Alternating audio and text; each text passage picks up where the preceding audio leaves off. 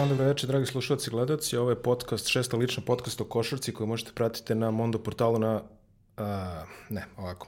Imamo specijalni uvod ove za današnje goste. Dakle, uh, goedenavond, dames en heren. Uh, we zijn hier in de podcast Zesde Persoonlijk. Het is podcast over basketbal. En met mij in de studio samen is Veselin Petrovic met nummer 10, de voormalige basketbalspeler, legende van basketbalclub Oostende. Veselin, welkom officieus. Goedemiddag. Odličan uvod.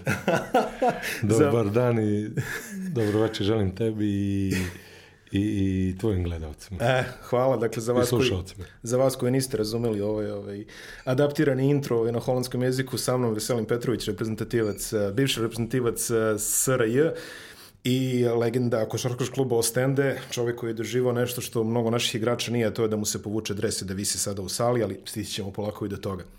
Veso, da krenemo bukvalno od početka, što bi rekli, uh, ja mislim da nije postojao prenos 90-ih koji je prenosio kolega Šarenac, a da nismo čuli o tome da je Veselin Petrović ovaj, iz rvanja prešao na košarku. Kako si to, ovaj, zašto si ostavio rvanje, zašto, zašto košarka?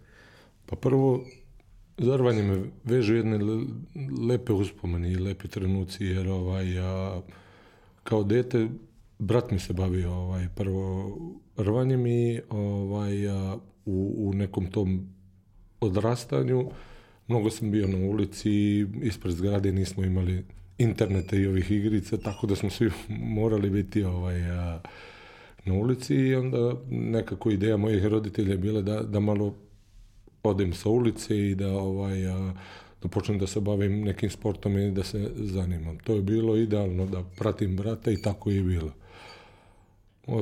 Sve, sve se to nekako slučajno desilo i bio sam tamo najmlađi. Ovaj, a, u početku sam nekih šest mjeseci ličio kao na neki džak, odnosno bil se taj zove koji, na kojem svi vežbaju, ali nekako s ovog aspekta bio sam uporan da, da idem tamo i da, da ovaj, budem taj džak, ali prvo neko ovaj, takmičenje je pokazalo ovaj, da mi je to dosta, dosta donijelo u budućnosti, da kad sam došao sa svojim godištem, sa svojim vršnjacima, da mi je to mnogo značilo.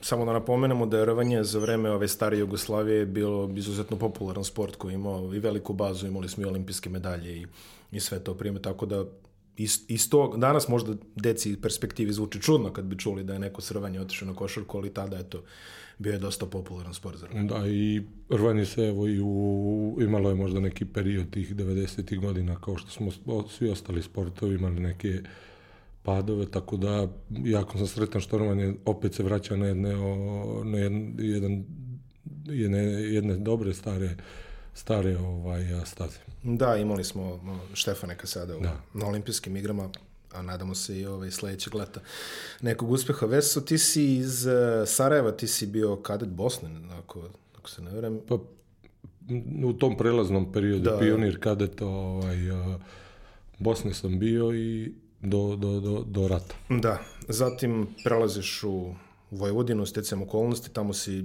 jako mlad ušao u selekciju u prvi tim. Pa tu sam malo ko zna, malo ovaj, jedan dio perioda i odlaske tog iz Sarajeva proveo u Pljevljima i u košarkaškom klubu Rudar jedno mjesec dana. Tako da ovaj, odatle sam, da kaže, tu nema ne, u mojoj biografiji, ali sigurno i ti ljudi danas i koji srećem i koji su tad bili ovaj su i iz tog kluba mi dosta pomogli da, da sa preporukama da odemo u Vojvodinu. I u Vojvodini se prvi put u suštini susrećeš sa seniorskom prvoligaškom košarkom, ulaziš u onu klubu, od, u ligu od 32 kluba, izvinjam se. Uh, ti si sa Jovom Stanojevićem ušao tada u selekciju, to je bio tada već ekipa u kojoj su igrali između ostalih, eto i Vojkan Benčić, na primjer, i sad različiti drugi igrači, ali eto, to su neka tvoja prva. Kako si ti snašao? Ti si jako mlad ušao u selekciju sa 16 godina, čini mi se.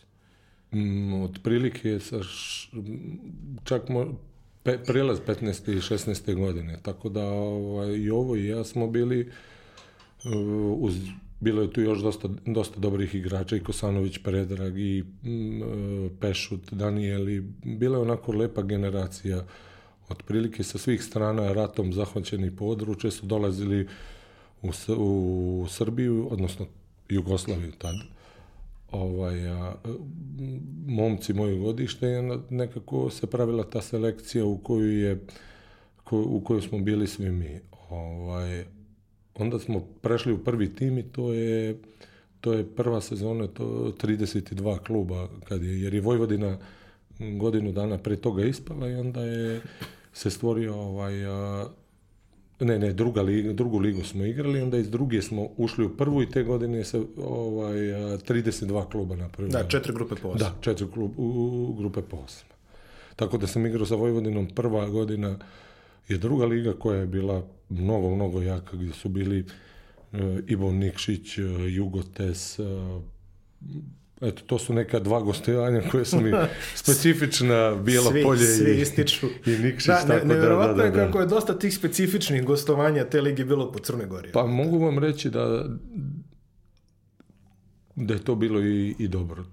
Ko, ko ta gostujuća, teren, gostujuća terene prođe, znači sve ostalo će mu biti ovaj, a, lakše i to je tad, kao i danas, zvalo se neko kaljenje igrača i ko tu tu atmosferu, tu, to sve prođe, tako da ovaj, može da igra bilo gdje u kojoj god ligi, ligi sveta. A, ti si u Železnik stigao, ako se ne varam, 95 ili tako? 95. 95. stižeš u Železnik i tu se ovako šira publika ovaj, nekako prvi put je upoznaje sa tobom kao igrača. A, kakav je to? Ti si imao priliku da budeš u Železniku dok je Železnik bio, da kažem, konvencionalni košarkaški klub, znači koji je dovodio igrače sa strane, koji je... Ali takođe bio si jedan od e, igrača koji je preživeo kada je Železnik 98. promenio svoju koncepciju u potpunosti. Uh, imao si prilike da osvojiš trofej sa starim železnikom. Uh, ne sećam se gde je bio finale kupa, U Nišu. u Nišu. Kada je Goran Bošković dao 30 kusur poena a, protiv Partizana i imao si priliku da igraš i Evropu, ako se ne varam, bio je kup Koraća ovaj, sledeće sezone Da. sa FNP-om. A, kako je sve to izgledalo, ovaj, dolaže, dolazak u taj klub i iz te perspektive? Iz Vojvodine sam prešao u, u, u FNP gdje sam igrao ja sa jako dosta dobrim igračima i ovaj a, i sa imenima, da kažem tako. Ali dolaskom u FNP ja postajem a, dio jednog tima gdje je bio Nikola Bulatović, a, Mlađa Šilobad, a, Ivica Mavrenski, a, Dejan Vukosavljević, Nikola Jovanović, mnogo igrača koji sam ja gledao do tada samo na televiziji. Znači, ni Bulatović i Šilobad su igrali u Partizanu. Šilobad je bio Prvak član- Evrope. č- prvak Evrope. Ovaj, jako bitnu ulogu igrao je u finalu u, u finalu sačuvajući, sačuvao je, ne mogu sad da se setim. A, igrača, Dawkins. Darrell, da, Darrell Dawkins. Ovaj, Nikola Bulatović isto pre toga je bio u, u Partizanu. Nikola Mavrenski Jovanović prvak sa Zvezdom. Da, sa Zvezdom. Nikola Isto Jovanović sa isto, sa Zvezdom. Tako da, neko ko ja, ja sam tu bio neko ko, ko, ko uopšte prvi par mjeseci nisam, nisam bio svestan gdje sam došao, ali zahvaljujući njima ja sam kao, kao, kao dete 16-godišnjak uh, u roku od 15 dana se osjećao kao da sam na, na nekom njihovom nivou, da su toliko su me lepo prihvatili, tako da je to bilo ovaj, a, jedno prelepo vreme ovaj, a, u, u, u, u boravka u tom klubu. Koliko sjećam, sat vremena smo uvijek dolazili svi da se družimo, bio i kafić tamo i tako da, da toliko je dobra bila atmosfera da je na kraju i, i rezultati su pokazali tako nešto. Trener je bio Momir Milatović, ako se ne. A, ne, dolaskom mojim i najviše uticao uz čoveka koji vodi taj klub je bio i pokojni Bo, Boško, Boško Đokić. Đokić, da. da, od tada. To. A onda po odlaskom njegovim dolazi a, mislim da je Momo Milatović ako me da, Sa njime ste pametim, osvojili kup, ako E, se da, varam. sa, sa njim smo osvojili kup i tu od Ivicu menja, Ivicu Mavrenskog menja Luka Pavićević, onda Goran Bošković, e, Deo okosnice Radonjić bi- posle. Da, da, to je posle dolazi Deo Radonjić i tako da sam imao u tom klubu i di, bio sam dio tog kluba koji je koji je dovodio tad igrače i igrao, imao sam čas da igram sa tim igračima i da stvaram neko iskustvo posle za dalju ovaj, karijeru gdje mislim da je 98. gdje počinje da se podmlađuje tim. Na kraju sezone. Da, na 97. kraju sezone. A, gdje je, evo, opet pokojni Jaca Petrović a, a, preuzima, preuzima tim. Ostali ste ti, Goran Nikolić i Ognjen Aškrabić, čini mi se. E, mislim da su došli oni. Da Goran Nikolić možda i jedan Goran je Nikolić bio, je i da, bio, da, bio. Aškrabić i, i, i Milojević i dosta, dosta je, samo su dvojica nas ostale, Da. sve je ostalo dovedeno. Da, do, da. došlo je, doš, došla je strašna generacija igrača, ali ajde samo da se vratimo prvo na, na dve stvari. Dve utakmice koje, koje su nekako, osim tog finala u Nišu, koja je stvarno savršena partija cele ekipe i pre svega Gorana Boškovića, koja je ostala meni upamćeno barem po onom incidentu ovaj, kad je Muta Nikolić ušao u teren da uzme loptu. Ovaj.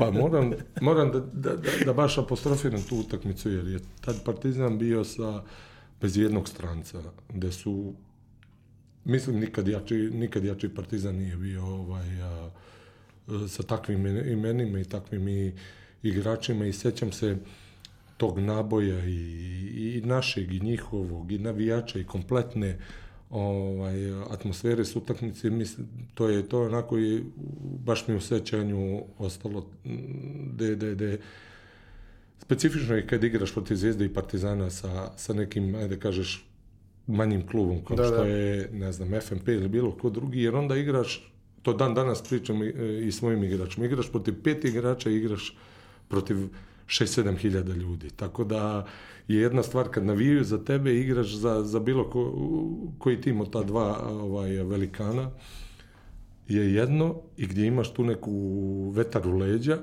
a kad dođeš ovako sa, sa manjim timom ili nekim protivnikom gdje, gdje drugim timom koji, koji, protiv koji igraš protiv Zvezde ili Partizana i protiv 6-7 hiljada ili 15-20 sad u ovoj novoj hali to je nekako još, još ajde da kažem, veći osjećaj da i da pobediš i da, i da, i, i da se ovaj, neki veliki rezultati napravi. Ti si to i napravio sa FNP-om 97. u finalu kupa, ali 98. si prošao to što si upravo rekao u majstorici polufinala ovaj, play-offa u legendarnoj utakmici kada je nestajalo struje u pioniru i svašta se tu dešavalo. Čini mi se da je FNP triumfo dali posle jednog ili dva produžetka, sad se ja više ne sećam. Da, tad smo u polufinalu pobedili Partizan, ovaj, što je isto jako... Mislim da niko nije očekivao ovaj, Ne, tako ne, nešto, ne, jer ne. je Partizan bio jako dobar, sastavljen iz uh, strašnih pojedinaca, Učesnik Final Four. učesnik Final Four, eto, to je uh, bez, opet napominjem bez stranca, tako da su sve bili domaći igrači i posle su mnogi od tih igrača u, u Evropi igrali kao stranci, znači u tom momentu su Amerikanci i, i igrači, mislim, iz Srbije bili Da, da. stranci. U, kad neki klub bira, bira igrača, može da uzme ili Amerikance ili, ili igrače iz Jugoslavije. Tako da je tu bila velika konkurencija iz te Jugoslavije, dosta igrača igralo vani kao, kao jako, kao glavni igrači. A, ta generacija a, se raspala, mislim, ra, rasturena je, da tako kažem, namenski da bi se napravilo mesta za mlade igrače. Došlo je nekih stvarno fantastičnih talenata. U to vreme došao je Dejan Milojević. A, došao je meni jedan jako drag igrač koga ja pamtim, a, igra šutera Petar Petrović, ne se da se zvao. Ali on posle mene, ovaj, po, dve, te- dve godine posle mene došao. Kad sam, se, kad sam ja otišao u Partizan. Šekularac, Šekularac je došao ovaj, kao jedan od najperspektivnijih i mladih u to igrača vrijeme Evrope. apsolutno je bio Da. ovaj, jedan od, od jako perspektivnih igrača u, u Srbiji. Jestratijević je otišao u Crvenu zvezdu i te sezone sezona se prekida naglo uh, NATO bombardovanjem SR Jugoslavije, prvenstvo se prekida, odigralo se još jedno kolo naknadno, pošto je počelo bombardovanje i zaključena je sezona tako kako u budućnosti je bila prvak, ali odigrao se finalni turnir uh, Kupa Jugoslavije i to je dosta specifičan turnir, ono što bi volao da, da dočaramo mlađim slušalcima i gledalcima je da se taj turnir igrao pod vazdušnom uzbunom. Igrali su Partizan, FNP, uh, Radnički, Beopetrol i da, Radnički, Jugopetrol i Beopetrol, izvinjavam se. I uh, finale, ja mislim da u Pioniru, ako nije bilo 9000 ljudi, da smo svi jedni drugom stojili na glavama. Nažalost, snimak ja nisam vidio da postoji na YouTube-u, nažalost nema ni slika, ali na, kada ste vi izlazili uh, na, na parket, u toliko je bilo vazdušno uzbuna, to su mi saznali naknadno i moji roditelji su doživjeli infarkt otprilike od, od, od te činjenice, ali svi mi smo iznali one mete i onda je koreografija bila nas 8-9 hiljada koji su držali metu. Kako je to izgledalo vama na parketu u tom momentu?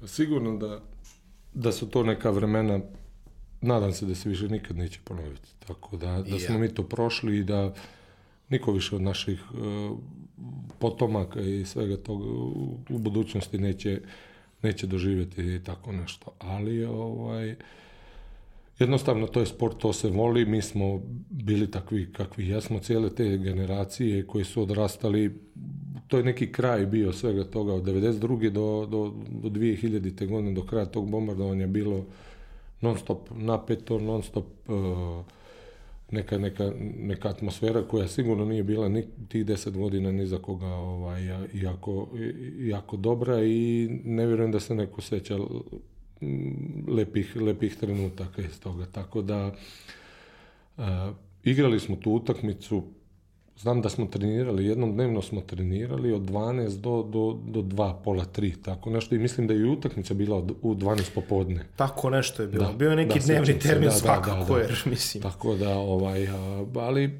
prije toga, prije te utakmice bili su i mostovi, sećate se, pa smo pa su bile i, i neke žurke na mostovima, i pevači, i sve to tako Trg, nekako oni trg. konci, da, da. Da, ovaj, a, bilo je cijela atmosfera takva, tako da, da je jednostavno ne znam kako, ali smo svi funkcionisali za vrijeme tri mjeseca o- bombardovanja. Sad, s ovog aspekta da kažete bilo koji grad u Europi da će biti tri mjeseca bombardovan, mislim da ne bi ostalo pet ljudi u, u tom gradu, nego bi svi otišli. A mi smo takvi kakvi jesmo, pa smo ostali i to je tako, tako i bilo. Ta utakmica je i taj period specifičan po mnogo svemu. O, Partizan je pobedio, čisto da notiramo to. da, ovaj, i osvojio kup. I osvojio kup, ali eto, ovaj, to je meni nekako sekundarni utisak, zaista, Da, koji je da. osvojio kup tog dana, posle svega što se ovaj, desilo. A, sledeće sezone ti dolaziš u Partizan. A, ako se ne varam, u suprotnom smeru otišao je Marko Peković, Da. a, talentovani playmaker back ovaj, tada Partizana. On je otišao u FNP, ti si otišao u Partizan. Kako je došlo do realizacije tog transfera? Pa u zadnjem momentu, mislim da je nešto dan ili dan i po pre, pred kraj prelaznog roka, jer je tad bio i, bile su dva prelazna roka, mislim da je bio ovaj a, ljetni i u januaru možda deset Jest. dana Da, da. zimskog, tako da je, da je možda dan i po pre, prije kraja prelaznog roka je počela priča da ja trebam da pređem u Partizan, jer e, Partizan je ostavio je samo od te stare, stare generacije Mireta Radoševića, Čubrila, Đokića i da, da se neko ne naljuti, mislim da Varda je ostao Jeste.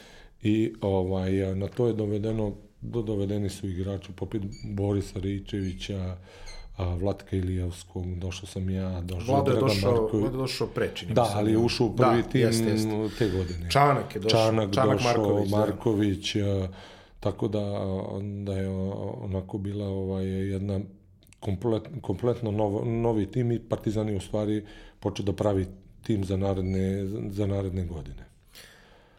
Kako si se ti tu snašao? Pa u početku, znaš kako, do prvog derbija je sve to, ovaj, a, kako se zove, ne, ne- nemaš osjećaj šta se dešava, misliš da je to sve, ovaj, a, da je to sve normalno kao i u FNP-u, kao u nekim drugim Vojvodini, znaš, ali tek pred prvi derbi, dva dana pre, to, pre derbija počinju da te ljudi pitaju, ne znam, u prodavnici, na pumpi, na trafici, komšije, počinje ta tenzija da se, da se odvije, pošto tad nije bilo toliko derbija, bili su u Dva. dva. I možda još u Play-off, finalu da. play-offa i tako da I kup možda. da je bilo, da, specifično, jer ako znam da je bilo jako teško, ako izgubiš taj prvi derbi, onda, pošto se smenjuju Zvijezda i Partizan u sali, onda pognute glave ideš narednih 3-4 meseca Na trening. na trening e, kad se smjenjujete ili ulaziš ili izlaziš, tako da, znaš, da zavisi ko je, ko je prije. Tako da je bio onako specifičan i dosta ljudi je to kao i dan danas doživljavalo, ali nije bilo mm, toliko tih derbija. Tako da do tog derbija prvog sam mislio da je sve ovo, ali posle prvog derbija i dalje ostaje jedna, ovaj, jedna velika tenzija, jedan pritisak od javnosti, od e, navijača, od svega toga, tako da e, mogu ti reći da mnogi, mnogi igrači nisu mogli to da, da, da izdrže i da, i da možda nisu pokazali maksimum u tim klubovima koji bi da su izdržali tu tenziju ovaj, pokazali. A, tebe je dočeko, čini mi se, Nena Trajković kao... kao... E, e, Lale Lučić. prvo. Lale Lučić prvo. Lale Lučić. Onda I onda je on u početku sezone... on je odmah- posle Delta trofeja ovaj, dobio, da. Da, ovaj, a, zamenio ga je Neša Trajković i onda smo krenuli sa njim, mogu ti reći, jako, ja- jako On je loše jako, sećam. da, da. Sećam se, ne, ne, ne, mislim, sa njim u, u tom periodu kad je on bio, ne da nas i on doveo do toga, nego kad je on došao i do nove godine je bilo jako, jako mučno i teško i sećam se baš tog perioda da je ovaj, bio i, jedan od, od, od među težima u, u karijeri.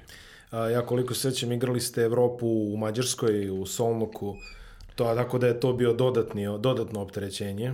Pa, apsolutno, gdje si bio, ovaj, dolazili smo možda noć pred, samo treniramo noć pred utakmicu, to su bila putovanja, nije bilo ni aviona, direkt sve smo išli autobusom, mislim da, Da, da, da. da je to tako ovaj, funkcionisalo. Naravno nije to izgovor bio ovaj, a, za tako loše rezultate, tako da, da se sve menja u toj sezoni a, u finalu kupa, pred finale kupa gdje da kažem, imali smo sreću da, da, da, da budućnost e, ispadne od Leskovca, jer se tad kup kvalifikacije za kup igralo u četiri grupe, pa su prvaci grupa dolazili na final, finalni Da, turnir, da, da. gdje je bila takva senzacija što je Leskovac e, izbacio u budućnosti, jer je to bilo u tog momenta da neko kaže stvarno nepojmljivo, jer je bilo, mada u Leskovcu su bili Žuće jako Mitić. dobri igrači, to ne, ali budućnost kakva je bila, to je bilo mislim da ni jedan posto šanse ne bi dao da, da, dao danas da tada u stvari da može da može Leskovac da, da, u budućnosti su Dejan Tomašević, Dejan Radonjić, eh, da li je, mislim da nije Igor Okočević te sezone bio, nego sledeće, ali eh, Vlada Kuzmanović, Milenko Topić, Pa da, to je, to je bila jedna, jedna malterne reprezentacija u, u malom Jugoslaviji. I mi smo nekako i ta generacija koja smo se skupili, valjda smo sazreli u, u, u tom nekom januaru, februaru i polako smo počeli da, da ličimo na, na, na jedan tim, jer i naravno novi trener kad je došao, sve se to drugo mijenja, dosta putovanja, nemaš vremena za trening, e, sve to neki s ovog aspekta gdje se sad to normalno da, da, da, da, da, da je stvarno trebalo da taj si, e, tim dobije neku koheziju i da, i da liči, liči na, na partizan koji je zaslužio. Čisto da, ovaj, da dodamo da je zbog e, blokade avio saobraćaja te, e, te polusezone Crvena zvezda igrala Euroligu u Beču, Partizan je igrao, već smo rekli, kup Saporte u Solnoku, a budućnost je igrala Euroligu prvih par utakmica u, u Sarajevu, Da, u Sarajevu, pa gde onda- ih nisu najlepše Da, da, dočekali, pa su otišli u Pa su Budimpeštu. otišli u Budimpeštu, Mm, Tako je, tako je, da, tako je. da. A, u Partizanu imaćeš priliku prvi put da igraš Euroligu, ako se ne varam, one sezone sa Darkom Rusom, ovaj, to je čini mi se 2000, na 2001. To su se podelile Euroliga. Da. Na Suproligu i na Tad ste vi bili Suproliga, Da, tako, tako je, da tad ste vi bili Suproliga. Godinu pre u jednom fantastičnom play-offu sa velikim nabojem eliminisali ste Crvenu zvezdu u jakoj seriji 3-2 je bilo. Uh, ne, nego je Zvezda... Uh, da, da, da, da. Vi ste, da, da, mislim- da, da, da, Zvezdu, sad bilo je 2-0. Tako je. 2-2 i u petoj 3-2 smo Jeste, jeste, povedali. Radmanović, Rakočević, Da, da, da, ovaj, da, ta, ta ekipa. I onda, je, naravno, budućnost je bila stvarno neprikosnovena tih nekoliko godina. Ti si zaigrao Euroligu, međutim, bio si deo generacije kada se vratio Duško Vujošević i kada je Partizan prekinuo trogodišnju hegemoniju podgoričke budućnosti u seriji ovaj, u kojoj ste triumfovali prve dve u Podgorici i onda, ovaj, čini mi se, koš ovaj Stevana Načvija je bio Stevan Načvija. Da, da, Stevanović. I uh, ono što ono što me sad zanima, svi imaju svoju priču o, o Duletu Vujoševiću, kako to izgleda kada on dođe u klub. Koja je tvoja?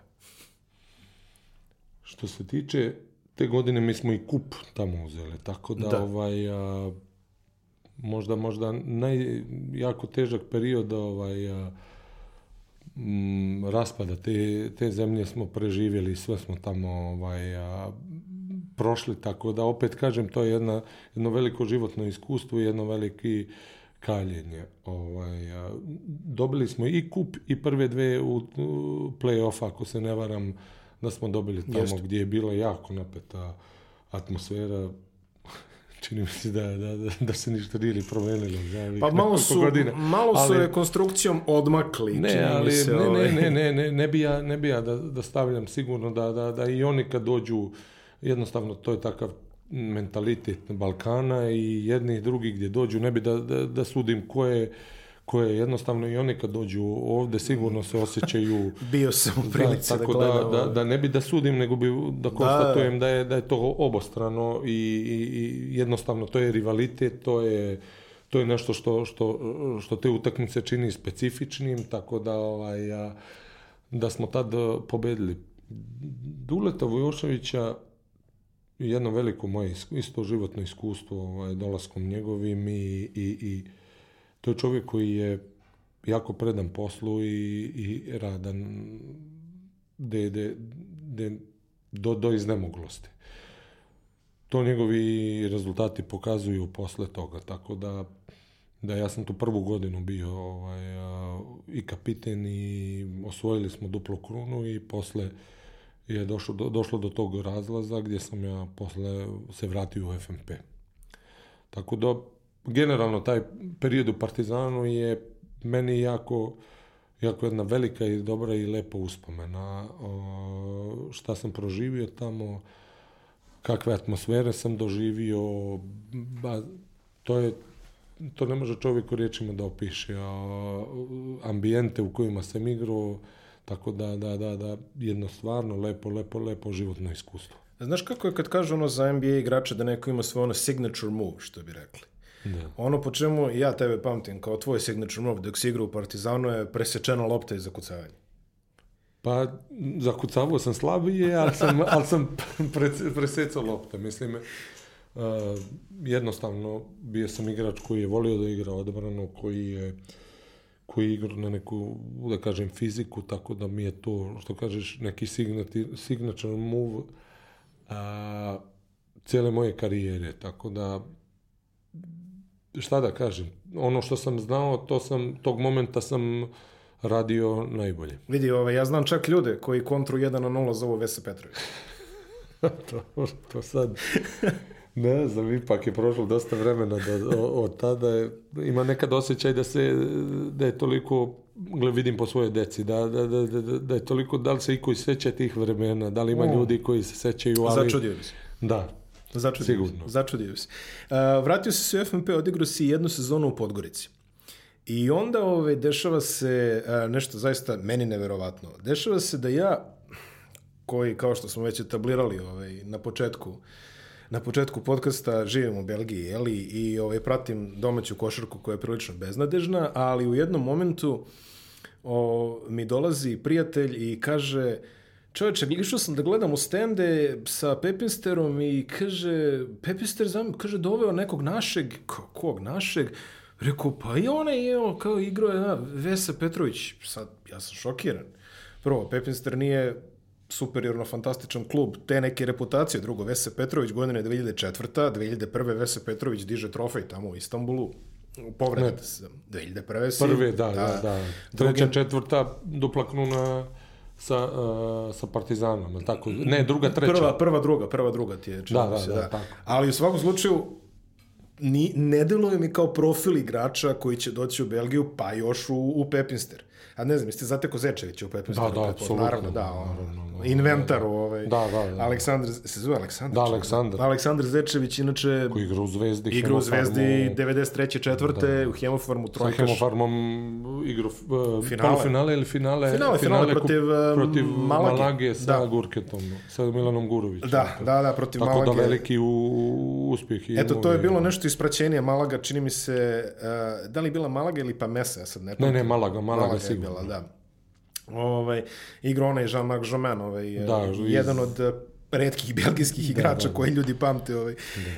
Koji je čak neko vrijeme proveo u, Ra- u Realu. Da, tako je, Sa tako je. Sašom, Đo- sa, ne znam, sa nekim našim je Jeste, ovaj, da, znam, znam. uh, bio tamo. Uh, šta se ovaj, e, ka, kako dolazi do transfera čoveka koji je reprezentativac e, SRJ, igra za Partizan, osvaja duple krune, mislim, ono generalno radi čovek, igrač od neke reputacije. Kako stižeš do Belgije u tom momentu? Nije, nije baš onako neka tipična destinacija za igrača tvoje reputacije u tom trenutku. Doživio sam, ajde kažeš, jedan veliki pad u karijeri, što je opet koštalo je sigurno i živaca i svega, ali jedan životni, životni, životna škola jedna velika. Tako da od, od, od kapitena Partizana i tako nečega što je, da kažeš, u Beogradu i Srbiji jako, jako bitno sam došao da, da dođem u Pepinster i da uh, jedan Amerikanac, uh, Ralph Biggs, znaš ko je?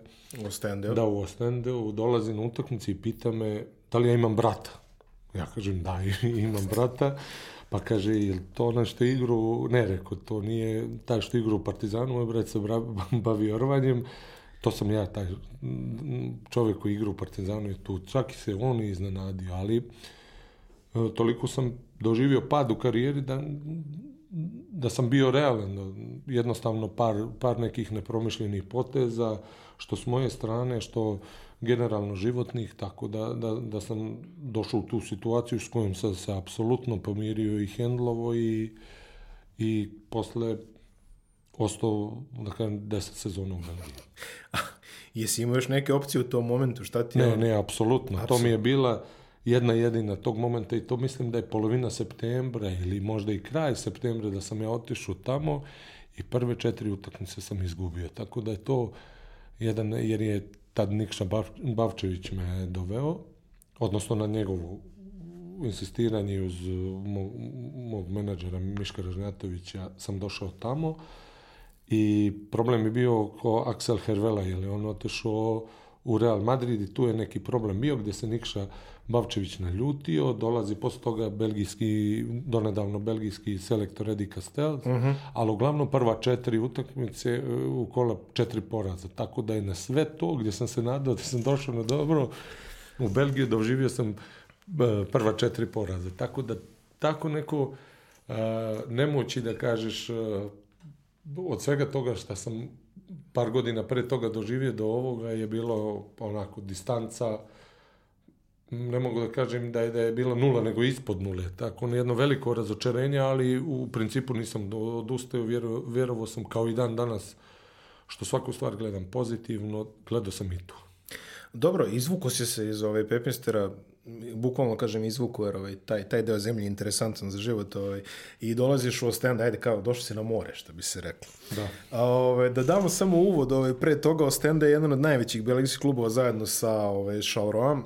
Oni su se manje više smenjivali u titulama u tom nekom periodu.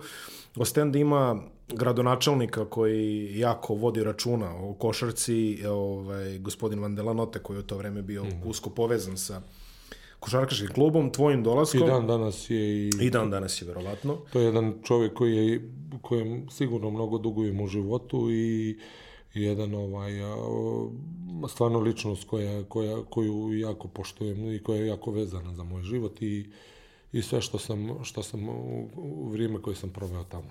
Ti dolaziš 2005. i ta se ne, tačno se poklapa sa periodom dominacije Ostendea u u belgijskoj košarci. Pre nego što počnemo da pričamo o tome, volio bih da kažem uh, ljudima koji slušaju da sam i ja tada bio zatečen kada sam otišao u Ostena da gledam košarku. Oni su otvorili novu halu, uh, tad se zvala Slater. Slater, Slater, da, Slater, Slater Arena. Hala koja je, ovako je, mislim, jedno 10 metara od morske obale, znači otprilike bukvalno je tako. Uđete unutra, ono je kao neki moderniji, prostraniji, bolji pionir, i kapacitet je recimo mislim jedno 8000, ajde da lupimo, i 7000 sezonskih je prodato ono, godinu dana napred sa listom čekanja. Ja sam prvi put došao da gledam, i tačno se sećam šta sam gledao, gledao sam protiv Antwerpena. Znači, koji je, koji je pak došao sa šekularcem. Znači, to je sad opet meni novi nivo. Nova dimenzija ludila, jer ovaj je bio u NBA-u na probama da, pre dve godine, a i reprezentativci sad igraju u Ostende Antwerpen. Ja dolazim sat i po vremena pre, i kažem, imate karate, oni kažu, imamo parter, ono, iza koša, pretposlednji red, otprilike, sediš do zida. Puna hala. navijanje, atipična atmosfera ovaj, za Belgiju što se košarke tiče. Pa Ostende je jedan, kao što si rekao, jedan najveći klub u, jedan od najvećih klubova u Belgiji što se tiče košarke, mada svaka ta oblast je jako vezana i ona specifična, znaš i sami od da maltene svaki grad ima poseban dijalekt i, da. i onako jako, jako drže do, do, do, do svog mesta gdje žive, opštine gdje žive, tako da, da su jako vezane za, za, za svoju, da kažem, mesto gdje, gdje, gdje žive. Veliki rivalitet je bio između Ostende i Brea i u tog momenta i svakog drugog kluba koji je želio da Ostende skine, sa, da kažem, tro, sa trona, jer Ostende ima tradiciju veliku i kad je bio Suneir, Suneir Ostende, da. znači od nekih 70. godina je je njihova ovaj a, čak i prije su osnovani ali neka, neka dominacija njihova traje od 70. godina tako da svaki i, i hala je prije toga se igralo u jednom maloj školskoj gdje, gdje su morali na kraju bili primorani da, da, da promjene halu jer je bilo veliko interesovanje za, za, ovaj, za košarku i jednostavno ljudi vole taj, taj grad i specifični ljudi žive tamo, tako da su jako, jako... Ovaj, Lučki gradovi su uvijek dosta specifični. Da, tako ovaj, da, ovaj, um, onako baš, baš, baš i ti navijači su bili, bili smo kao porodice, su bili išli na gostovanja, e, kući je bila hala uvijek, uvijek puna, tako da, da su iskreno onako navijali za taj, za taj klub i za taj i voljeli taj grad u kojem žive. A, jedno od najinteresantnijih finalnih serija te rane tvoje, te, te tvoje rane karijere u Belgiji, znači prvih par godina, bila je protiv Breja. Bre je malo mesto u Limburgu, na potpuno drugom kraju zemlje. Ljudima je verovatno poznatije po tome što je Kim Kleisters odatle, vetenisarka, da, i što je njen dečko, a danas muž, da. ovaj, bio jedan od košarkaša Breja sa kojim je, ovaj, sa kojima se ti odmeravao snage. Se, ta, tad su se zabavljali, a posle su, da, da, da. su postali... Bre je imao američkog trenera i pet Ameri, petorku američku. Da. A, vi ste bili malo šareniji u tom, ovaj, u tom momentu i bila je to jedna playoff serija ovako vredna neke srpske, što bi se reklo po intenzitetu i po svemu. Sigurno.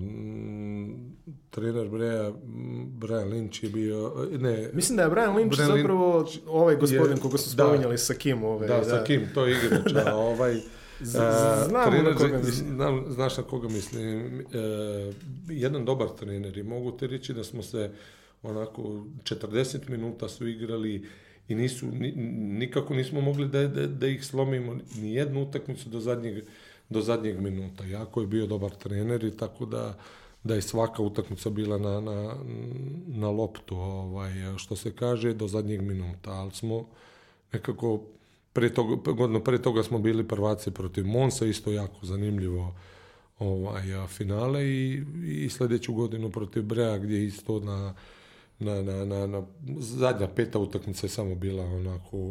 Da, peta utakmica kod vas. Neizve, naj, bila onako naša rapsodija, igrali smo fenomenalno, ali ove četiri je bio rat. Što nekim ljudima možda ne znači ništa da, da kažem da, je, da, da tamo može takve utakmice da se igraju, ali stvarno je tako. Sa pet, e, klub koji ima pet Amerikanaca, jako dobrih u tom momentu, koji su usklađeni, koji su igrali sti, timski, tako da da bilo je ovaj, jako teško te prve dve godine. Bio je ovaj, jedan od većih incidenata u istoriji Belgijske lige u četvrtoj utakmici. Da. Ispričaj šta se tu desilo. Pa ništa, na toj utakmici je Rashad Wright koji je igrao za nas, to je koji, ljudi koji prate bio i hemo, playmaker u Hemofarmu prije toga. Neki na, min, na minut do kraja da je ulaz i, i to zapisnik uh, piše tri pojena. To niko nije primijetio. I na, u zadnjem sekundu na, na tri razlike za bre a mi dajemo trojku i oficijalno je nerešeno. Ali zapisnik se diže i svira pištaljkom u to vrijeme i govori da su one pobjedili. Gdje mi svi mislimo da trojku, našu zadnju trojku su ubrali kao dva.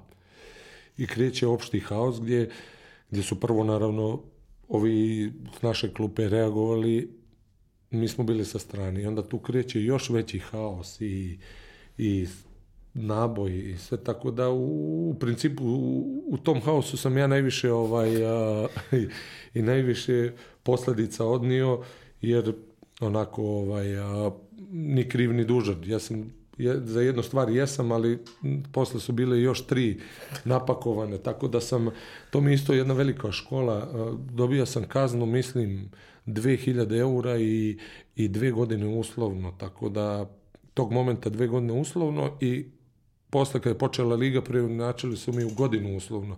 Cijelu godinu sam išao na, na utakmicu i prvenstveno šta mi je bilo da, da, da nekoga neki incident ne izazovem, kogod me udario na, na terenu, ja sam se izvinjavao, tako da je ovaj, a, velika škola da, da, da sam se da me to naučilo da se fokusiram samo na sebe, da isključim sudije, da, da, da jedna velika, velika škola gdje dan danas stvarno i kao trener i ajde ovo mi je prva godina da vodim ovaj, a, kadete Megije, da, da apsolutno ne, možda to neverovatno ovaj, zvuči, ali ne obraćam pažnju na sudiju. Ali vazi, domaći navijači su ti i tekako zapamtili. Ovaj, posle svega toga imam prospekt iz, eh, sad se i ne sjećam već koje sezone, kad se sve to završilo, u kojoj ono lokalni strip umetnik je nacrtao vas petoricu kao ovaj, u strip karikaturama i svi ste bili super heroji, a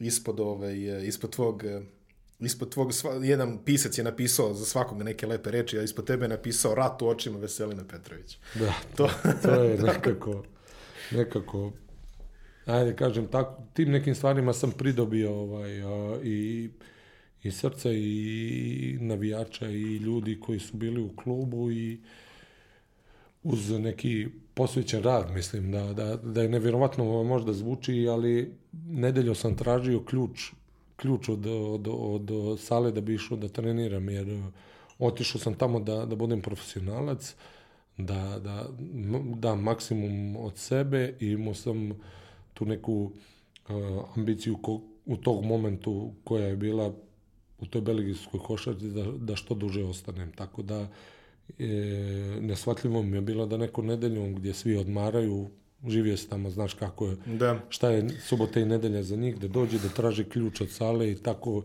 je bilo od prvog dana kad sam došao od stende do, do, do zadnje sezone gdje sam čak tri puta dnevno trenirao u jednom momentu. I ovaj, ostavio si traga, mislim, ostao si tamo koliko, devet sezona u Ostendeu da. i ovaj, dočekao si da ti podignu dres. Kakav je to osjećaj? To, to redko ko može da, da priča o tome specifična stvarno ovaj, situacija. To se desilo, izvini, samo da kažem, tokom, ja mislim da ti je bio poslednji kvalifikacioni turnir za, da, za Euroligu. Da, za Euroligu. Da. Um, jednostavno veliki je problem nastao kad sam napustio klub, ne između mene i ljudi iz kluba, jer je normalno da će, da sve što ima početak ima i kraj.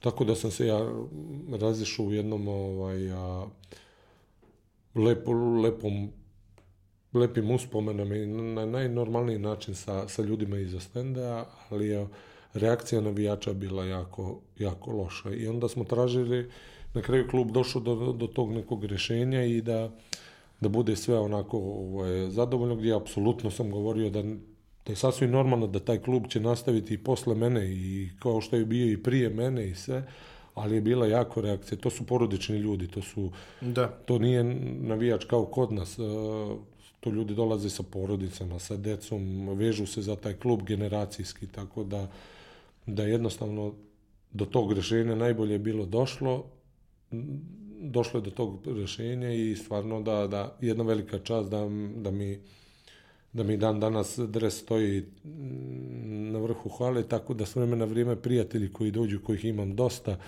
ovaj, koji dođu tamo, svak mi šalje opet uh, uslika taj dres sliku i stvarno je jedno veliko, veliko priznanje.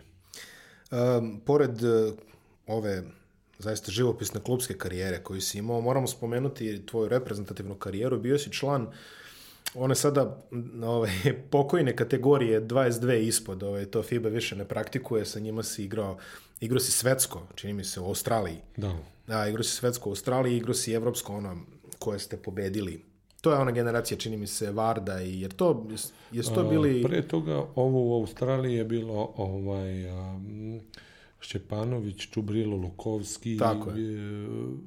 ja sam bio tu, Jovo Stanojević je bio tu, Đuro Ostojić, evo ne mogu sad još na pameti igrača da se setim i što je, što je fascinantno da sam pre pet godina, ajde kažem, ne pet, ali šest, sedam godina saznao da je tamo igrao u polufinalu ovaj, Ginobili za Argentinu i kad pokažem neku statistiku njegovu u toj utakmici gdje je stvarno ovaj, bilo tad nije bilo ni interneta, ni Da, svega, da. nismo ni znali s kim igramo, to što smo tamo i no, na zagrijavanju ste- vidiš ko je. su uzeli srebro, čini mi se. Da, bronzu. bronzu, bronzu. Jer smo mm, izgubili od uh, Portorika sa Santiagom i još jedini poznati koji iz te generacije izašao za, za prvo mesto u grupi i onda, i, i onda smo igrali sa Argentinom za treće i četvrto. A Australija je igrala, mislim da sa Portorikom i bila prvak. Tako da, to je jedno specifično i vrijeme i, i do, do, do tada smo, naj, najduži led nam je bio, ne znam, tu jedan, jedan Da, sat, tako možda dva sata. Otišli smo dva dana pred početak takmičenja smo bili gdje ljudi mislili da nećemo ni doći. Znam da su Litvanci, igrali smo neki turnir u Španiji, Litvanci su odmah došli sa tog turnira da se aklimatizuju, Amerikanci, svi su došli po 7-8 dana, mi smo kao dva dana i posle 26 sati putovanja, odnosno 24 u avionu, smo ostavili stvari i otišli direkt na, dobro se sjećam tog treninga, kondicioni trening. Tako da, Darko Rusev je bio... Darko ovaj, Rusev je. I gdje, gdje je stvarno s ovog aspekta jedini način bio, tad je možda umorni smo bili i sve, ali je jedini način da se aklimatizujemo bio takav, što je kasniji rezultat dokazao. A bili ste i evropski prvaci posle. Sljedeće godine dominantni u, finalu sa, sa, sa, sa Slovenijom koja je i sa Smodišem i još tu, ne znam ko je još igrao, ali jako jedna, jedna mislim da je bilo 15 razlike u, Da, da, u finalu. Varda i ekipa su bili ono naredne generacije koje isto... I Varda je bio i u, i u ovoj, uh, kad smo bili prvaci Evrope. A, čekaj, a onda Jarić, Rakočević... Ja isto, E, to je Jarić, ta, to je Rakočević, ta, to je ta, to je ta generacija, da. Što je Varda pričao da je ovaj Jariću nestao dres. Ovaj, Da, da, da, da, što je došao. Da, da, da. da Jariću nestao dres, to možete pogledati Da. u, u epizodi ovaj, a, sa Ratkom Vardom i pored toga imao si priliku da budeš deo jedne od najdominantnijih reprezentacija u istoriji evropske košarke na selekcije koja je 2001. u Turskoj osvojila zlato na Eurobasketu. Jedan, mislim da nisam nikad, ne mislim, nego se sigurno nisam, da nisam doživio takvu energiju i takav pobednički duh kao u, u, u toj reprezentaciji, što je naravno i rezultat pokazao. Tako da, najupečetljivije mi je bilo, mislim da je bilo četvrt finale, nisam siguran, četvrt finale protiv Estonije. Da, da li Estonija sa Kambalom ili ne znam ko je, da smo mi to dobili 40, možda i 40-50 razlike, gdje sam ja ušao zadnjih minut i po dva, nebitno je, ali sam ušao u igru kao da gubimo. Takav je, tak, tako neko je bio naboj, taka neka pobednička energija, da, da, da to je neverovatno sa, sa, sa takvim igračima da, da, da provedeš jedno Šćepanović, jedan vreme. Peđa Stojaković, Saša Obradović. Saša Obradović, Jarić, Dejan Tomašević, eh, Drobnjak, eh, Tarlać, eh, Gurović, Milojević, znači to je neverovatno kakav, kakav, kakav je to mm, pobednički mentalitet i kakva je to energija bila od same slačionice. Ja mislim da, da u, u tim momentima uopšte ne treba ni zagrijavanje, da, da maltene mm, iz, iz slačionice možemo da izađemo na teren i odmah da krenemo u utakmicu. Tako da u Stojakovića sam rekao gdje ne, Bodiroga, neverovatno kako je to ovaj, a, kako je to druženje bilo i kako je to taj taj pobednički mentalitet i u i na samom terenu tako da da je to bila jedna opšta dominacija. Ti si ostao u košarci i posle svoje ovaj, igračke karijere. Počeo si kao pomoćni trener u Meginom sistemu. I koliko, četiri godine si radio taj, taj posao, zar ne bio? si- Četiri sezone, da. Četiri sezone si bio ovaj, na stafu kod eh, Dejana Milovića i sada si trener eh, kadeta Meginih. E, kako su tvoje inicijalne iskustva, vidim isto kao i ovaj, kolega, što bi rekao ovaj, Branko Milisavljević, ovaj, generalno puno radiš sa mladim igračima, ti si on sad radi oka kao koji su nešto stari, ali kroz Megin sistem ti si dosta radio sa mladima, sad radiš sa kadetima, znači igračima do 16 godina, 15-16 godina. A, kakva su tvoje iskustva, ovaj, kako to sada izgleda naspram onoga što ti pamtiš kad si bio kadet i u tim godištima? Prvo dolazak u Megu je nešto, nešto jako lepo, jer je to jedan sistem koji, koji je specifičan, gdje, gdje jako rijetko ćeš naći sredinu gdje e, je ambicija je nešto najveće što, što postoji. Tako da nijedan čovjek koji ima ambiciju i koji je u Megi a, ne može da ima veću nego, nego sama Mega. Tako da, da je raditi u takvom nekom sistemu od, uh, eto, bio sam četiri godine u prvom timu i sad sam prva godina trenera kadeta, da je to nešto, nešto jedno veliko uživanje, naravno i velika odgovornost. Tako da, da ovaj, prva godina kadeta mi je, rade, da radim sa kadetima je bila, bila jako, početak je jako bio težak jer nisam imao, znao sam kakav je moj tim, ali kakvi, kakvi su drugi, gledao sam ja te utakmice, ali nisam toliko ulazio u srž toga, tako da, ovaj, ali išao sam na te pre, predkvalifikacijone turnire, a, gledao igrače, gledao sam timove i sad mi je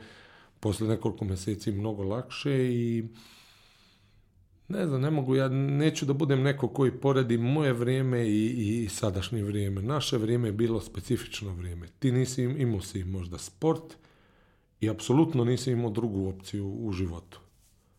Nažalost, u tih deset godina.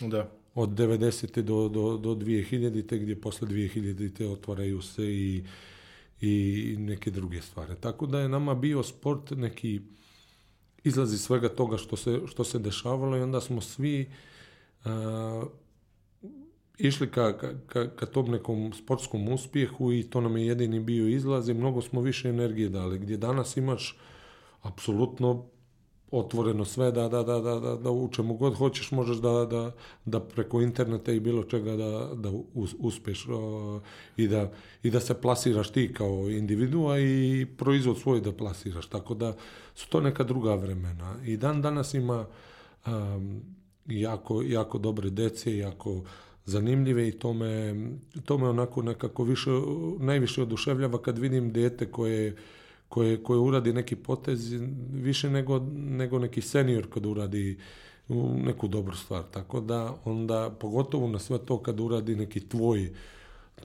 tvoj potez koji ga učiš, koji je prihvatio, tako da stvarati nešto je ovaj, najljepše u životu.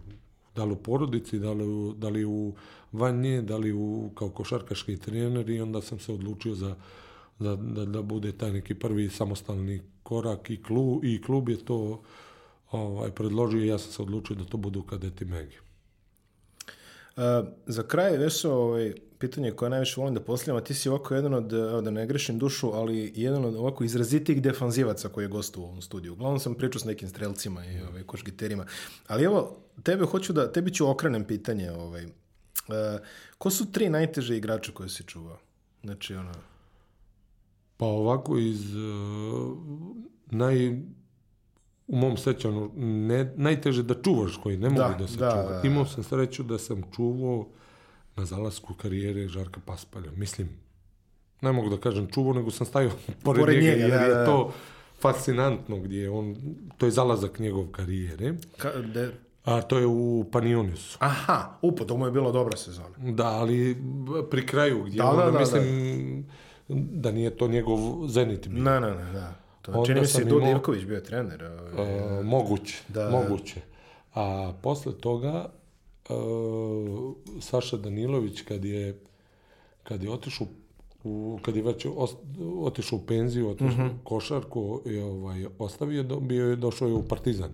I s vremena vrijeme je dolazio na naše ovaj, a, treninge, tako da, da, da onako čovjek koji ne trenira dođe, pa to je bilo fascinantno nešto, to, nemoguće njih dvojicu čuvati. Plus, posle toga idu i Bodiroga i Stojaković. Mislim da, da ne postoji riječ čuvanje, da mogu samo da promaše oni.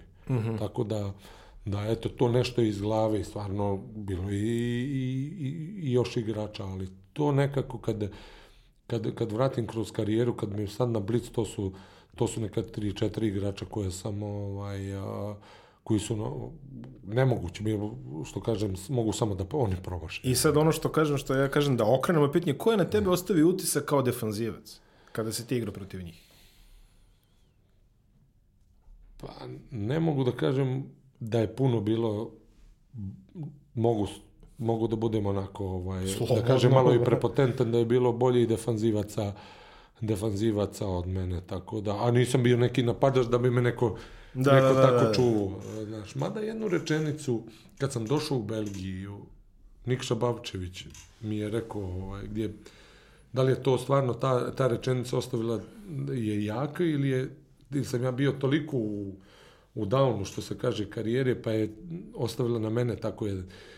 Zovnu me sa strane i kaže, e, postavi mi pitanje, šta, šta treba da ima dobar defanzivac? Ja kažem da bude eksplozivan, da bude jak, da bude e, ne znam, fizički spreman, tako to. E on meni na sve to, a kako takav čovjek ne može da igra napad? Stao sam, zamislio sam se, I ta rečenica, kako kaže, takav čovjek sa tim osobinama ne može da igra dobro napad.